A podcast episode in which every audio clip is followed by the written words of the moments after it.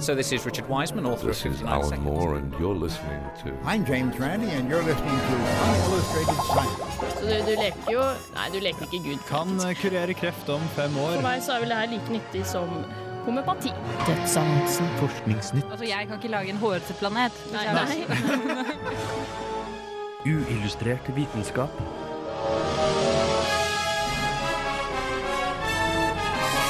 Science, it works, bitches. Har du noen gang lurt på hvordan det er å bli født uten lillehjerne? Eller om rotter angrer på sine valg? Eller hvorfor vi har to nesebor? Ja, da må du høre på videre.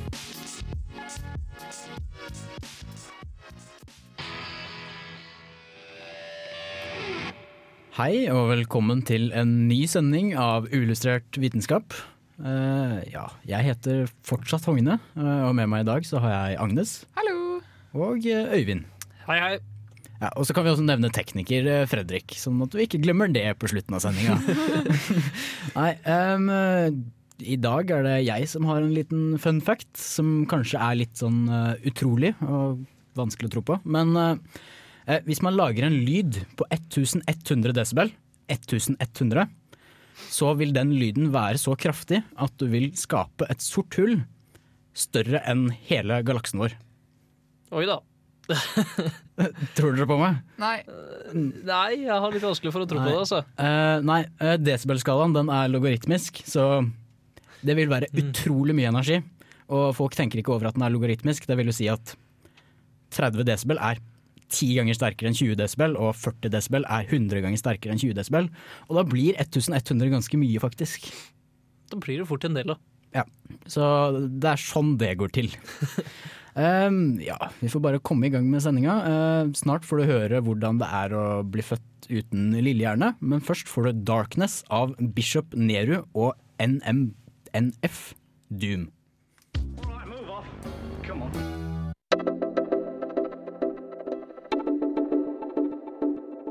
Hjerne er noe vi alle har. I grunnen mer eller mindre livsnødvendig har de fleste av oss blitt ganske avhengig av den i løpet av våre lange liv. Både lillehjernen, storehjernen, hjernestammen og alle de andre nødvendige delene. Likevel er det ikke alltid fullstendig nødvendig å ha alle delene i full behold, selv om det naturligvis, som regel, er en ekstra fordel. I Kina var det nemlig en 24 år gammel dame som gikk til legen etter å ha slitt med svimmelhet og kvalme over lengre tid. Etter å ha foretatt noen raske undersøkelser kom legen fram til at hun ikke hadde noen lillehjerne, som for så vidt er én mindre enn det man burde ha. Men til tross for dette levde den kinesiske damen et mer eller mindre normalt liv. Naturligvis hadde hun hatt unaturlig vanskelig for å gå langs rette linjer hele livet, og snakket ikke før i en alder av seks år, men da med merkbare vansker og noe utydelig tale. I tillegg led hun også av det legene valgte å kalle mildt nedsatt IQ. Men alt dette er jo for så vidt noe flere studenter sliter med hver eneste lørdagskveld.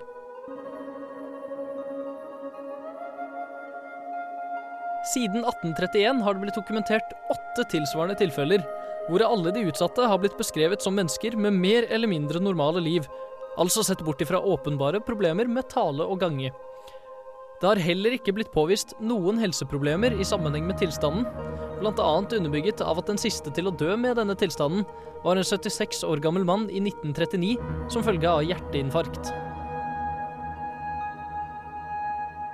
Likevel er det naturligvis ikke sånn at du burde begynne å kvitte deg med forskjellige deler av hjernen, uansett hvor mye de eventuelt har irritert deg. Men skulle det skje, så vit at hjernen kanskje er litt mer tilpasningsdyktig enn det man kanskje trodde.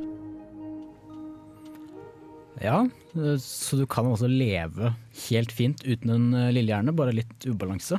Eh, Så hva er det egentlig den lillehjernen er til nytte for, hvis du ikke trenger den? Ja, altså jeg ville vel kanskje si halvfint, fordi den har jo en funksjon, og det er jo visse mangler når du ikke har en. Eh, men man vet jo ikke, man vet ikke nøyaktig hva lillehjernen står for. Man vet noen av tingene, Uh, fordi altså, eneste måten man egentlig kan finne ut hva den gjør, er jo ved å se hva som skjer hvis det er skade på den. Hva som mangler, liksom. Uh, men det man vet, da, er det at den står for finmotorikken. For eksempel så vil en, eh, med en eh, person med en helt fin eh, lillehjerne En vanlig test da er å, at eh, denne personen skal peke på noe og ta på noe med fingeren. Og da går fingeren som regel rett på denne tingen i en helt rett linje, mens de som har skader på lillehjernen, eh, hos dem så vil, eh, så vil det gjøre masse forskjellige små korreksjoner og rette opp på ting, og så er det veldig sjelden at de faktisk treffer. Um, så finmotorikk er jo noe eh, veldig viktig med lillehjernen. Ja, og det kan du kanskje leve uten. Ja, det, det går jo sånn helt OK, egentlig. Uh, men man tror også at den står for enkelte følelser. Men altså, følelser vet man såpass lite om at det er jo litt vanskelig å si. Men man tror kanskje den står for glede, for eksempel. Oi, det er ikke så bra. Ja, det er jo kjekt å ha det. Det er veldig greit å ha et liv fylt av glede. Men hva skjer om man mister andre deler av hjernen, egentlig? Eh, altså, det er jo Det kommer jo helt an på, egentlig, eh, hva du mister. Eh, for eksempel tidligere år så snakket jeg jo om en som ikke hadde en såkalt eh, hjernebro. Altså det er det som fester sammen venstre hjernehalvdel og høyre hjernehalvdel. Og da ble det liksom som at han hadde to forskjellige At han var to forskjellige personer. For han kunne ikke kommunisere Mm. mellom hjernehalvdelene. Ja, nei, så det, det Alt skjer jo i hjernen, så hvis du mister noe, så Du kommer til å merke det. kommer du til å merke det. Sannsynligvis. Ja. Men den lillehjernen syns jeg vi egentlig bare burde bytte ut, hvis den er såpass lite nyttig. Det er jo ganske mye annet nytt vi kunne hatt. Sånn innebygd kalkulator eller et eller annet i stedet for uh, den her finmotoriske saken. Så, så hvis du tar en eh, Jeg vet ikke helt hva du planlegger nå. Om du planlegger å fjerne lillehjernen og bare stappe inn en kalkulator eller noe sånt. Jo, jeg skal lage et sånn evolusjonsprogram hvor jeg, opp, ja, hvor jeg prøver å fjerne lillehjernen og deretter få folk til å få noen kalkulatorer inn i seg i stedet. Nei. Men jeg tror, det, tror litt av greia her er jo det at de har blitt uh, født sånn. Hvis du bare plutselig skulle miste den, så er jo det enda litt kjipere. Fordi når du blir født sånn, så tar hjernen som regel og finner eh, nye veier. Den kan eh, danne såkalte synapser, altså koblinger mellom nerveceller. Eh, som for eksempel si at du, at fra synssenteret i hjernen, da, så hvis veien det går fra øynene til selve synssenteret, som gjør at du registrerer det du ser, hvis veien dit blir ødelagt på en eller annen måte, så kan det dannes nye synapser som går gjennom et annet sted i hjernen. da. Hmm. Og det er gjerne det som har skjedd hvis du har mista Ja. Så hjernen er veldig, veldig tilpasningsdyktig. Ja, i hvert fall hvis du blir født sånn. Ja, nei, etterpå så er det ikke så mye håp lenger, kanskje. Nei, Uh, nei vi får høre litt uh, om uh, hvordan hjernen til rotter fungerer i stedet, da. Som kanskje er enda mer spennende, jeg vet ikke. Yay. Men først får du Ectypes av 22. De aller fleste har opplevd å gjøre noe som de angrer på i ettertid. Anger er en ubehagelig følelse, men også en nyttig erfaring. Har vi tatt et dårlig valg og angrer, kan vi lære av feilen og ta bedre valg i framtiden. Anger er en av flere følelser man lenge har trodd at bare mennesker kan føle. Men det har nå vist seg at også andre dyr kan angre etter å ha gjort, ja, dumme valg. Noen amerikanske forskere skulle egentlig studere hvordan rotter går fram når de skal ta forskjellige valg. Eksperimentet ble ikke helt som forskerne forventet, men i stedet fant de handlingsmønstre som minner mistenkelig mye på menneskelig atferd. Observasjonen førte til et nytt eksperiment. Forskerne satte opp bitte små restauranter med forskjellig type mat til rottene. Rottene bestemte selv hvilke restauranter de ville besøke, men hver restaurant hadde forskjellig ventetid. Det viste seg at rottene var villige til å vente lenge på favorittretten, men dersom ventetiden ble for lang, kunne rottene velge å gå til en annen restaurant. Generelt var rottene villige til å ofre litt tid for favorittmaten. Men de sto likevel ovenfor følgende dilemma. Skulle de vente ekstra lenge for å potensielt få tilgang til god mat, eller skulle de gå til neste matstasjon og satse på bedre lykke der? Og det var her forskerne gjorde et interessant funn. Dersom en rotte valgte å forlate restauranten med livretten, til fordel for en annen restaurant, og det viste seg at den neste restauranten hadde enda lengre ventetid, angret rotta så mye at den fysisk snudde seg mot det andre stedet, altså der den satt og ventet på maten den aller helst ville ha.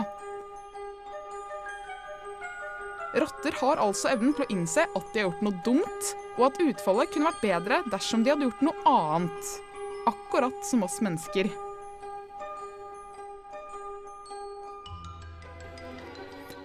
Ja, disse her rottene hørtes veldig veldig menneskelige ut. eh, når de driver og drar på restaurant og alt mulig rart. Ja, hva, hva, hva er egentlig en restaurant for eh, mus? Jeg kan ikke alle detaljene rundt eksperimentet som ble satt opp, men det var jo i all hovedsak eh, forskjellige matstasjoner da, for å eh, vise litt De hadde forskjellig type mat på de forskjellige stasjonene, og så kunne rottene gå besøke den matstasjonen som de aller helst ville gå på.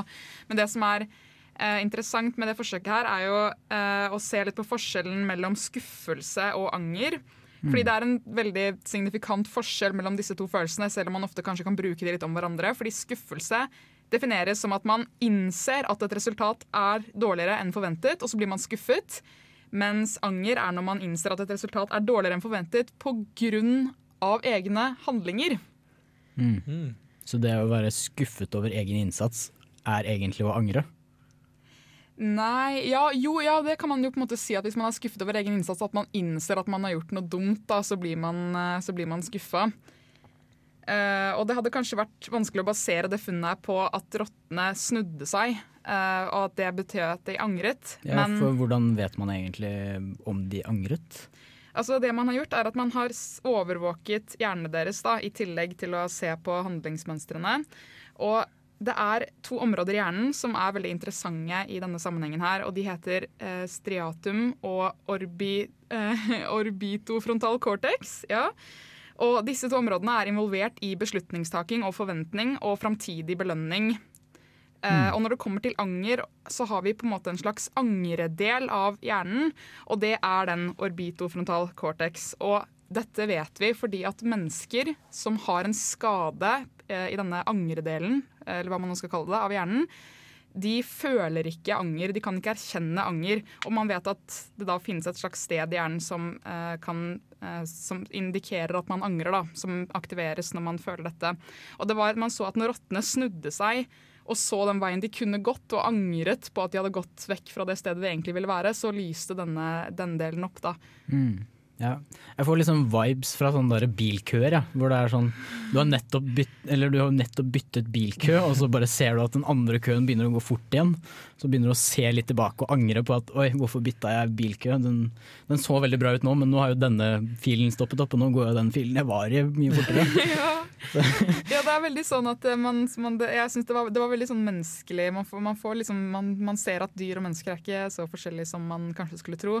Men det som også er forskjellen er at hvis man skal på en måte prøve å kategorisere rottene da, i, en, i noen grupperinger, sånn de som faktisk angret og de som bare ble skuffet, for det er jo på en måte det som er forskjellen her, da, så var det slik at de som angret de snudde seg og så tilbake og, og angret seg veldig og innså at de hadde vært litt dumme. da, Mens de rottene som bare var skuffa, de så ikke bakover, de så forover. Og så tenkte de dette her var skikkelig kjipt, nå tenker vi framover og så tenker vi at vi kanskje kommer til et bedre sted. Altså De på en måte prøvde å visualisere sitt framtidige valg. da. Ja, jeg tror den neste rottekokken er mye bedre, altså. og han bruker ikke så lang tid. Ja. Så burde de kanskje spørre om hvor lang tid det tar også. sånn ratatouille-restauranter, Sånn ratatouille-restauranter, er det ikke det? Jo, man kan vel kanskje si det. Ja, uh, ja, snart så får du kanskje svar på det siste spørsmålet vi stilte i starten av sendingen. Hvorfor vi har to nesebor. Men først så får vi I av Kendrick Lamar.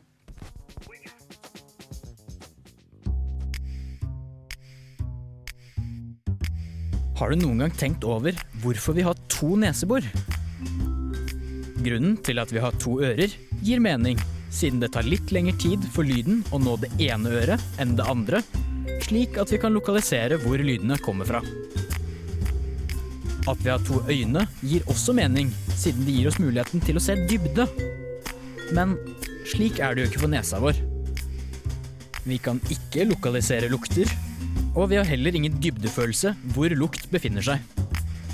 Så hvorfor har vi likevel to nesebor?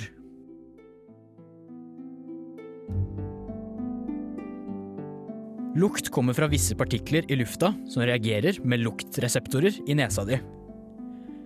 Når disse så reagerer med partikkelen, så sender reseptoren et signal opp til hjernen din og får deg til å lukte en lukt bestemt ut fra hvilken partikkel den reagerte med. Du har kanskje kjent at det ene neseboret ditt er litt tettere enn det andre, spesielt når du er forkjølet. Dette er for at vi skal kunne lukte enda flere lukter enn vi ellers kunne. Når luktreseptorene i nesa di skal reagere med partikler, så krever de at partiklene kommer inn i nesa med én bestemt hastighet. Hvis ikke blir ikke alle partiklene oppdaget. Så ved at det ene neseboret er litt tettere enn det andre, vil lufta trekkes saktere inn i dette, og dermed vil dette neseboret gjenkjenne de partiklene som krever en treg hastighet. Det andre neseboret, som er mindre tett, vil trekke inn luft raskere og gjenkjenne de partiklene som krever en rask hastighet. På denne måten blir spekteret av lukter nesa di kan gjenkjenne, enda større enn om du bare hadde hatt ett stort nesebor.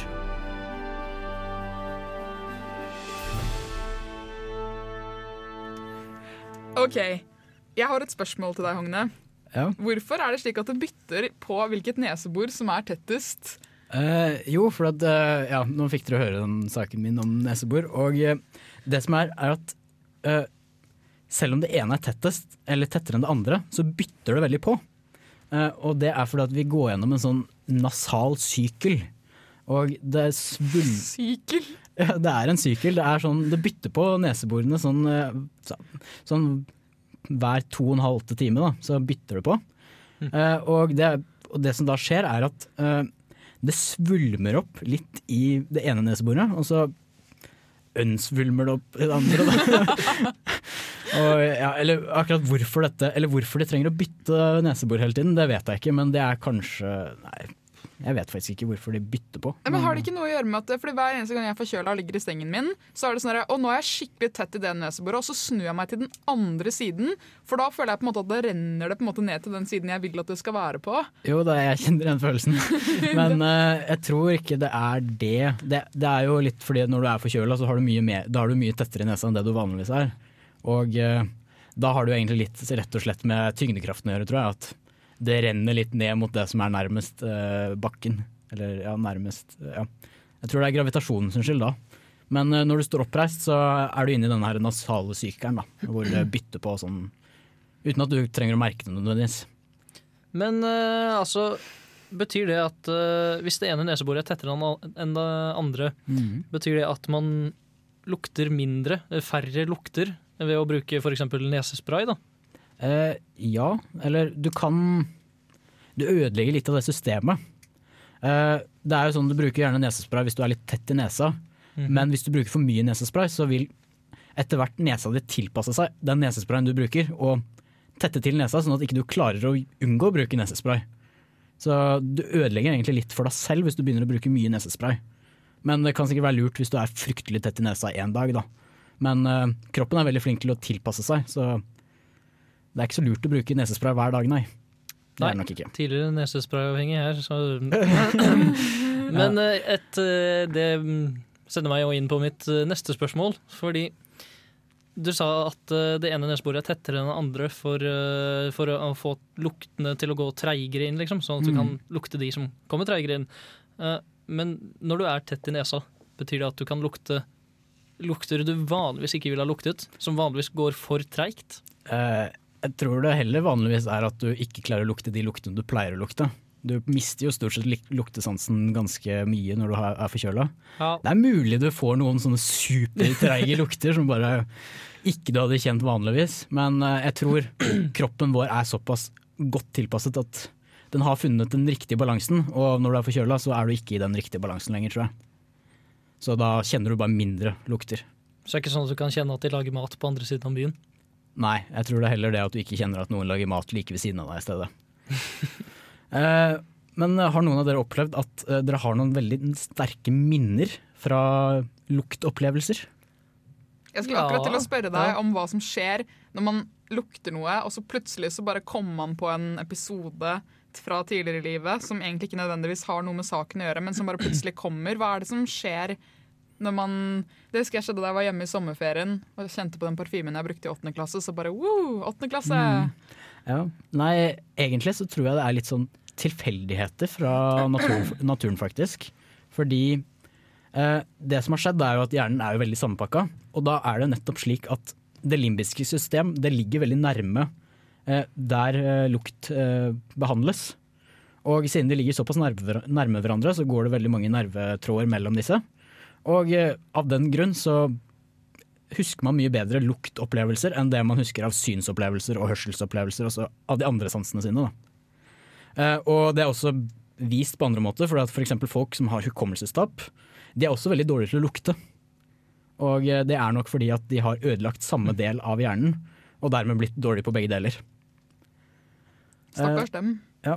Eh, og er det noen av dere som husker mosselukta? Den er dessverre borte nå.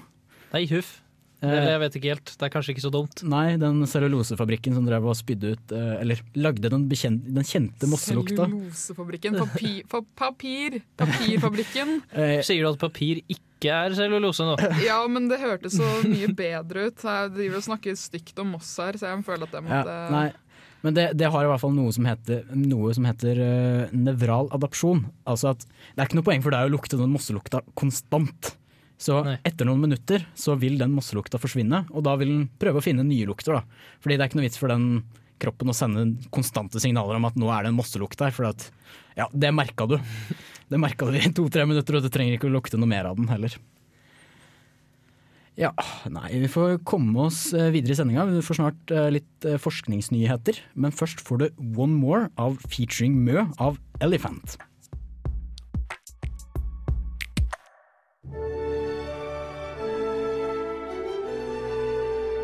Hei, dette er Magnus Carlsen, og du hører på Uillustrert vitenskap.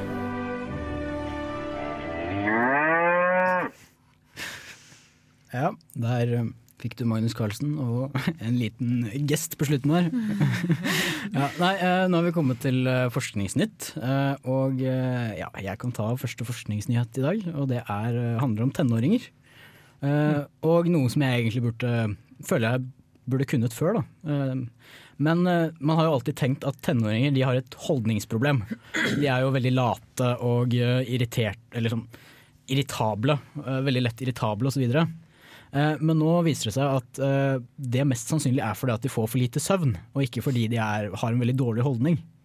Men er det deres egen skyld, eller er det, hva er det det kommer av? Eh, jo, nei, det er egentlig ikke deres egen skyld heller, fordi at de lider av noe som heter eh, suprachiamatic eh, nucleus. Eh, og det er egentlig rett og slett at søvntiden deres er flyttet uh, veldig seint. Og de har veldig store problemer med å legge seg før klokken 11. Mm. Uh, og det, det stemmer det, gjør det ikke det? Jo, jo, så absolutt. Og problemet da er jo Dette her hadde kanskje ikke vært noe problem hvis de hadde fått lov å sove lenge, men sånn som samfunnet vårt er bygget opp, så, må, så begynner jo skolen veldig tidlig. Og hvis man ikke klarer å legge seg tidlig, men må legge seg seint og må stå opp tidlig, da blir det lite søvn. Ja. Eh, Så det er gjort mye forskning på det, faktisk. At om vi hadde flyttet skolestart seinere, så ville eh, alle ja, elevene ville fått bedre resultater og en bedre helse. Eh, Og det finnes faktisk ingen positive studier for tidlig skolestart som vi har nå. Så hvorfor er det da tidlig skolestart? Eh, Det har alltid vært det. Eh, Og egentlig så burde vi ta opp dette her med politikerne våre, for jeg tror det er et ganske viktig problem. Mm. Men eh, det er bare Sånn har det alltid vært. Og ja, vi begynner jo å jobbe veldig tidlig, så da hvorfor skal ikke elevene begynne på skole tidlig? Men det er egentlig ingen mening bak hvorfor vi skal begynne så tidlig, for at kroppen vår er laget for å være oppe seint og jobbe seint, da. Ja, Agnes, du har en forskningsnyhet du òg? Ja. Jeg håper alle fikk med seg det der, for jeg syns det er superviktig. Men nå kommer det til noe annet som også er superviktig og supergøy. Og det er at man nå kan lage sin egen usynlighetskappe. Wow. Oi! Ja. Sin egen, altså Sånn type i garasjen, eller Ja, hva er det du snakk om her? Ganske, ganske riktig, og ganske billig faktisk også. Fordi man prøvde først å få det til, eh, å lage en sånn Harry Potter-usynlighetskappe med masse forskjellige kompliserte ting som radar og elektromagnetisme og den slags. Men nå har man eh, funnet ut at man kan lage en usynlighetskappe ved å bruke linser. Altså bare linser som bøyer lyset på en sånn måte at eh, det som skal bli usynlig, blir usynlig. Ja. Men er det snakk om sånn én linse, eller eh, hva er det Eh, fire linser, tror jeg det var. Mm. som er satt opp på en spesiell måte, da, sånn at lyset bøyer seg Ja. Eh, med et visst mellomrom på en sånn måte som gjør at lyset på en måte bøyer seg rundt det som skal eh, gjøres usynlig, da. Ja. Så den funker ikke helt som usynlighetskappen i Harry Potter. Eh, ikke helt, men man Men kan eh, det var vel ikke til å forvente heller, var det? Nei da. Men uh, hvis jeg skal gjemme meg for uh, Voldemort, hva må jeg gjøre?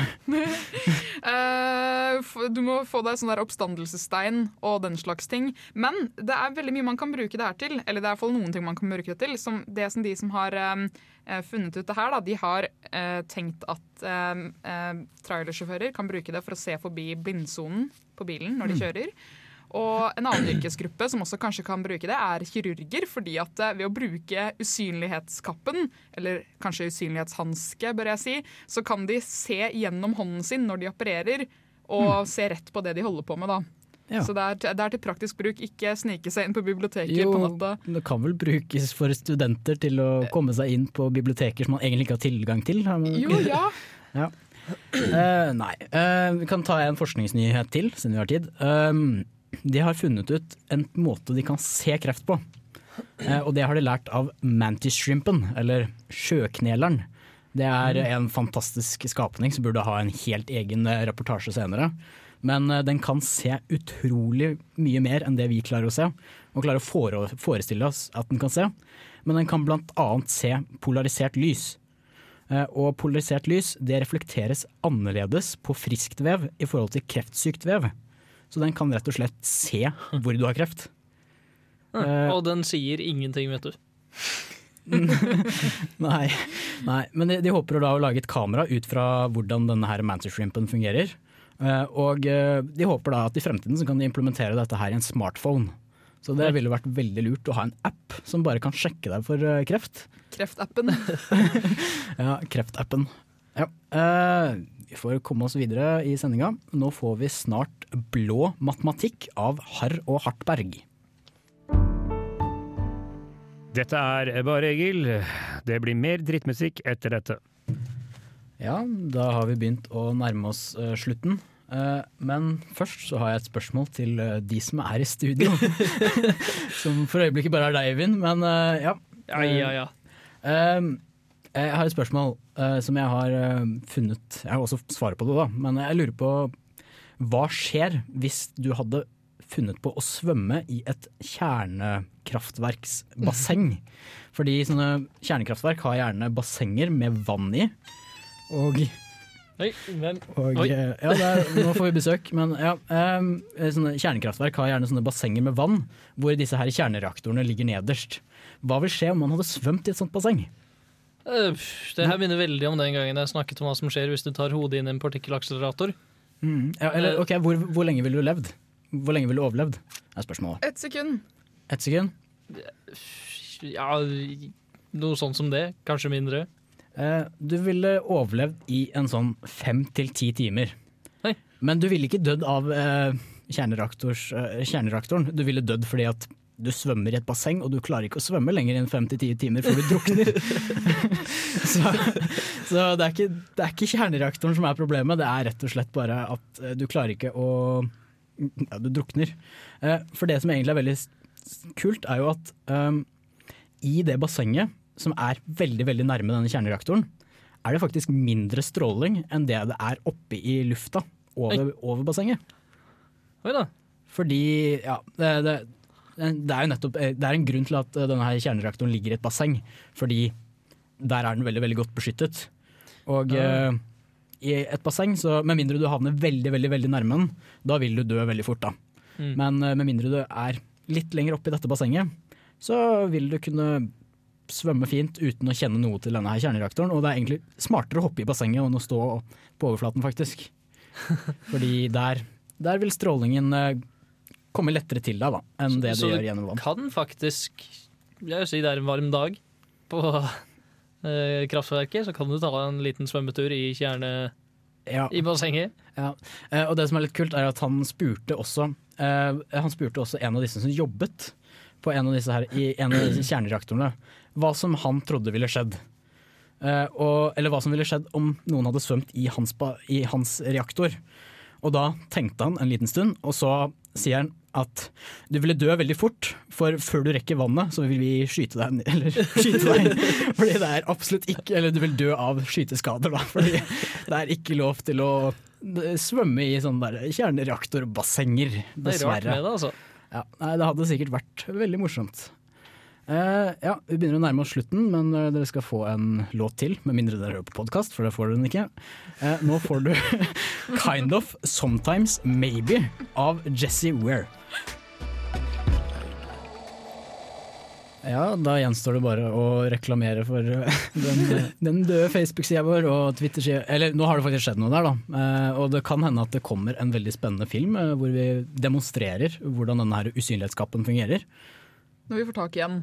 Jeg vil, ja, jeg vil si at det faktisk er veldig sannsynlig at det kommer opp en sånn film. Ja, ja da, da, er det, da er det god sannsynlighet for at dere også burde gå inn og se hvordan den fungerer. Eh, ja, Da gjenstår det bare å takke for oss. Jeg har vært Hogne, og med meg i dag så har jeg hatt eh, Agnes. Hallo, ha det bra. Eh, og så har jeg hatt eh, Øyvind her i studio. Ja ja, ha det bra. Og så har vi hatt en fantastisk tekniker, eh, Fredrik. Vi ses neste uke. Uillustrert vitenskap er Midt-Norges eneste teknologimagasin på lokalradio. Og vi snakker om alt fra populærvitenskap til sære forskningsprosjekt ved NTNU. Radio Revolt, studentradioen i Trondheim, er stolt av å kunne presentere podkaster fra de aller mest populære programmene våre. Hvis du har lyst til å høre mer fra Radio Revolt, hvem vi er og hva slags musikk vi spiller, så kan du høre oss på FM-båndet i Trondheimsregionen, eller streame sendingene våre live på radiorevolt.no.